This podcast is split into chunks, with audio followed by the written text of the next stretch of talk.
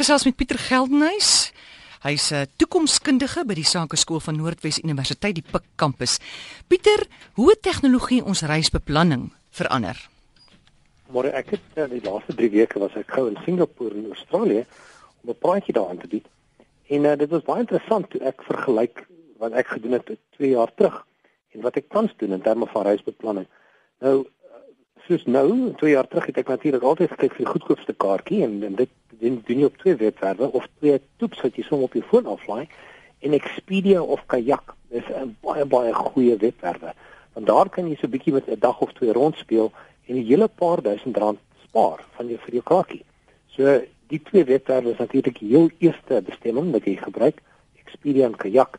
En dan kan jy baie vinnig sien waar jy die goedkoopste prys kan kry. Ek moet onder die, die luisteraars aandag bring partykeer dan moet jy via Dubai vlieg en dit is nogal 'n lang rit, maar jy kan dan beplan of jy op daai lang rit wil gaan en 'n bietjie geld wil bespaar en of jy direk wil vlieg. Maar jy het werklik die keuse om dan uh, te besluit op watter datums en tye jy vlieg. 'n Paar jaar terug het ek natuurlik eers Google Earth gebruik om te kyk waar kan ek 'n hotel baie naby 'n metro kry want as jy oorsee is dan maak jy gebruik jy publieke vervoer jy wil seker maak dat jy nie 'n hotel kry wat baie ver in die Gamadulas is en jy 'n taxi moet dan kry om om op en af te ry nie.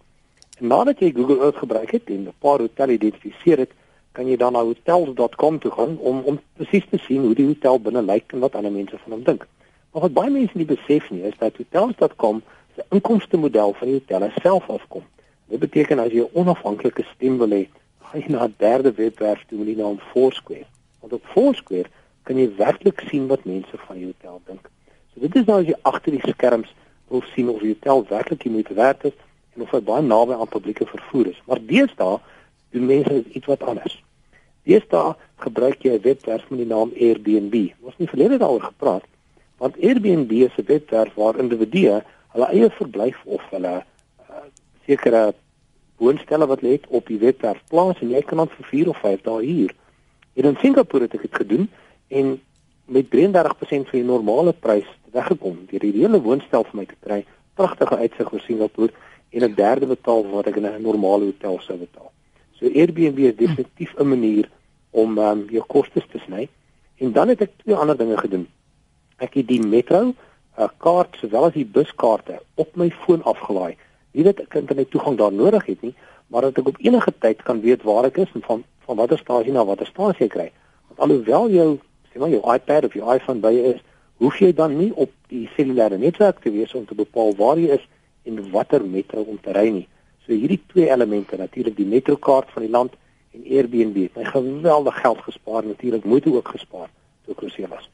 En dan in daai Airbnb soos jy hom hier vir my gespel het op die papier is Air hoofletter A I R en dan B en B is alles hoofletters. Dis kry jy ja. van of is dit toep aflaai jou foon of mm. jy kan dit natuurlik op die webwerf gebruik. 'n Vriendin van my sê hierdie naweek haar seun gaan nou vir 7 weke Europa en Amerika toe. Ek sê wie kan dit deesdae bekostig met die Suid-Afrikaanse rand om vir so lank weg te gaan? Sy sê wel, hierdie Airbnb waar jy gaan en jy kry goedkoop akkommodasie daan die ander kant. Ja, en, en hotelle en gashuise ja. van natuurlik hierop moet reageer en hulle pryse moet sny. Ja. As hulle relevant wil bly. So dis dis goed vir almal van ons. Dis 'n wonderlike ding daai.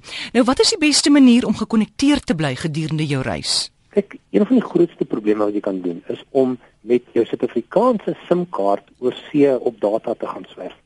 Ehm um, ek kan nou nie netwerkname noem nie, maar ek moet baie naby aan R280 per megabyte betaal hmm. as ek oor see se rondswerf. Nou vergelyk jy dit met 'n uh, Suid-Afrikaanse prys van tot so minus 15 sent per megabyte. 'n Groot verskil, R280 per megabyte teenoor teenoor 15 sent per megabyte wat jy hier sou betaal. Ja. Uh, dit is geweldig duur. So wat ek natuurlik doen, is ek vat twee slimfone saam.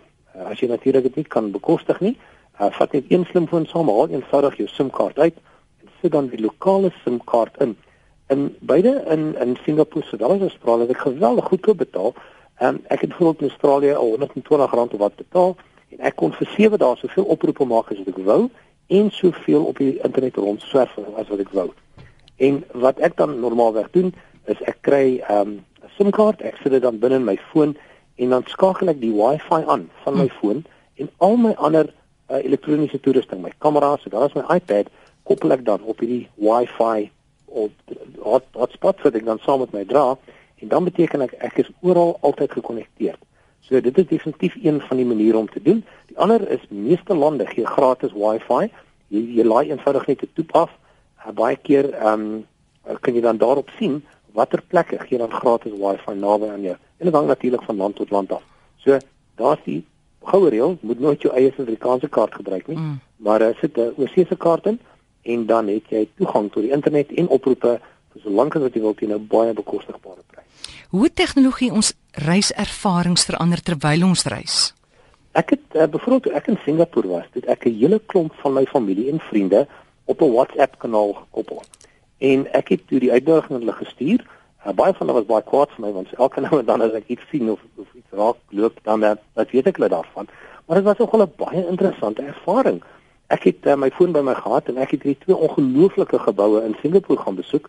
Hulle hulle noem dit Gardens at the Bay. Dit is twee sulke sewe verdieping um biosfere waarin hulle sewe of ses verskillende klimate simuleer binne in hierdie biosfeer en dan kan jy daar instap en uh, een van die biosfere was was die was die Weskaap. So jy kon die Weskaap se plante binne in hierdie biosfeer sien. Dit is 'n uh, is 'n vreeslike groot gebou, omtrent sewe verdiepings hoog. Hy is 'n val gebou en jy kan dan binne in die een al hierdie klimate sien en die ander een het 'n ses verdieping hoë waterval wat soos 'n tropiese reënwoud is. Dit is nogal baie interessant. Maar terwyl ek hier rondstap, het ek natuurlik foto's geneem en video's geneem en onmiddellik met al my vriende by die huis dit gedeel. So terwyl ek hierdie uh SIM-kaart van die mm. netwerk by my gehad het, het ek intyds dit ervaar met almal gedeel en binne 'n kwessie van 'n sekonde of twee het almal by die huis gesê, "O, dit is baie oulik, neem 'n foto hiervan." Of hulle het regtig saam met my gekuier. Dit was werklik 'n snaakse ervaring dat ek rondstap hier op my eie in Singapore en uh, ek het 20 mense wat elke sekonde of uh, elke keer as ek met hulle iets deel, dan gesels hulle terug met my. En vir 'n oomblik het ek nie gevoel asof ek alleen rondstap in Singapore nie, maar almal rondom my saam gehad het. Dit was werklik 'n snaakse ervaring. Hoe gaan tegnologie toerisme in die toekoms verander? En ek dink wat belangrik gaan wees is dat ehm um, dis iets wat natuurlik baie vreemd is wat ek oor oor seker sien. Ek dink ek gee seker my ouderdom weg, maar toe ek op een van die hoë geboue in ehm um, in Singapore was, dis sien ek 'n hele klomp mense kyk in die lug en neem die muur af. Ek dink toe, hoekom is hulle so onnoosel om die muur af te neem as hulle liewer die die agtergrond uh, kan afneem? Toe kom ek agter, hulle neem hulle self af met die agtergrond agter hulle. En wat ons nou begin sien is dat daar geweldig baie kameras uitkom wat twee ehm um, kamera uh, of die Engelse viewfinders het. Sodat as jy 'n foto van jouself kan neem, jy fisies sien hoe jy lyk terwyl jy die foto neem. So dit is interessant hier. En wat ons ook sien is dat al hoe meer en meer kameras saam met slimfone geïntegreer raak. Jy kry nou 'n slimfoon waar jy 'n um, 'n kamera 'n uh, optiese kamera lens aan die voorkant het. En soos jy die foto neem, deel jy dan die foto met jou sosiale netwerk of jy stoor jou foto aanlyn sodat as jy jou kamera verloor, jy nie ook jou foto's verloor nie. Maar wat ons te sien is dat ons kommunikasiepatrone geweldig verander want ons is altyd gekonnekteerd en ons kan altyd met iemand iets deel. Hmm. Ehm um, en die gemak om 'n spesifieke plek te kry is soveel makliker. In die verlede was dit geweldig moeilik om die ingang van 'n 'n metrostasie te kry. En deesdae met jou foon kan jy eenvoudig een van die applikasies aflaai en binne 'n paar meter sê hy vir jou binne 50 meter is daar 'n ingang en partykeer sou jy nooit gedink het dis die ingang tot 'n metro nie. So die ou dae waar jy natrein in die middel van Parys mm. en jy weet waar om een om te gaan jy is verby, uh, want as jy 'n slimfoon met jou het en 'n battery wat werk, dan kan jy baie maklik by jou doelwit uitkom. Heng so ons reiservarings raak meer intens, so ek sê en ook makliker aan die ander kant. Definitief, mm. makliker ook, maar ook uh, hoe jy dit met die met jou vriende deel. Mm, mm. Heeltemal 'n nuwe ervaring. Ek weet nie, kyk, ek is baie lief vir my vriende, maar mens gaan mos nou juis op vakansie om net 'n bietjie weg te breek. Jy heeltemal reg, daarom is daar daar maar afskakel op die. ja, daarom druk ek knoppie en skakel hom af dan. Goed, heerlik. Dankie Pieter, lekker aand. Ja, Alsat mooi. Dis Pieter Geldnys, hy's 'n toekomskundige verbonde aan die Sakeskool van Noordwes Universiteit Pik Kampus.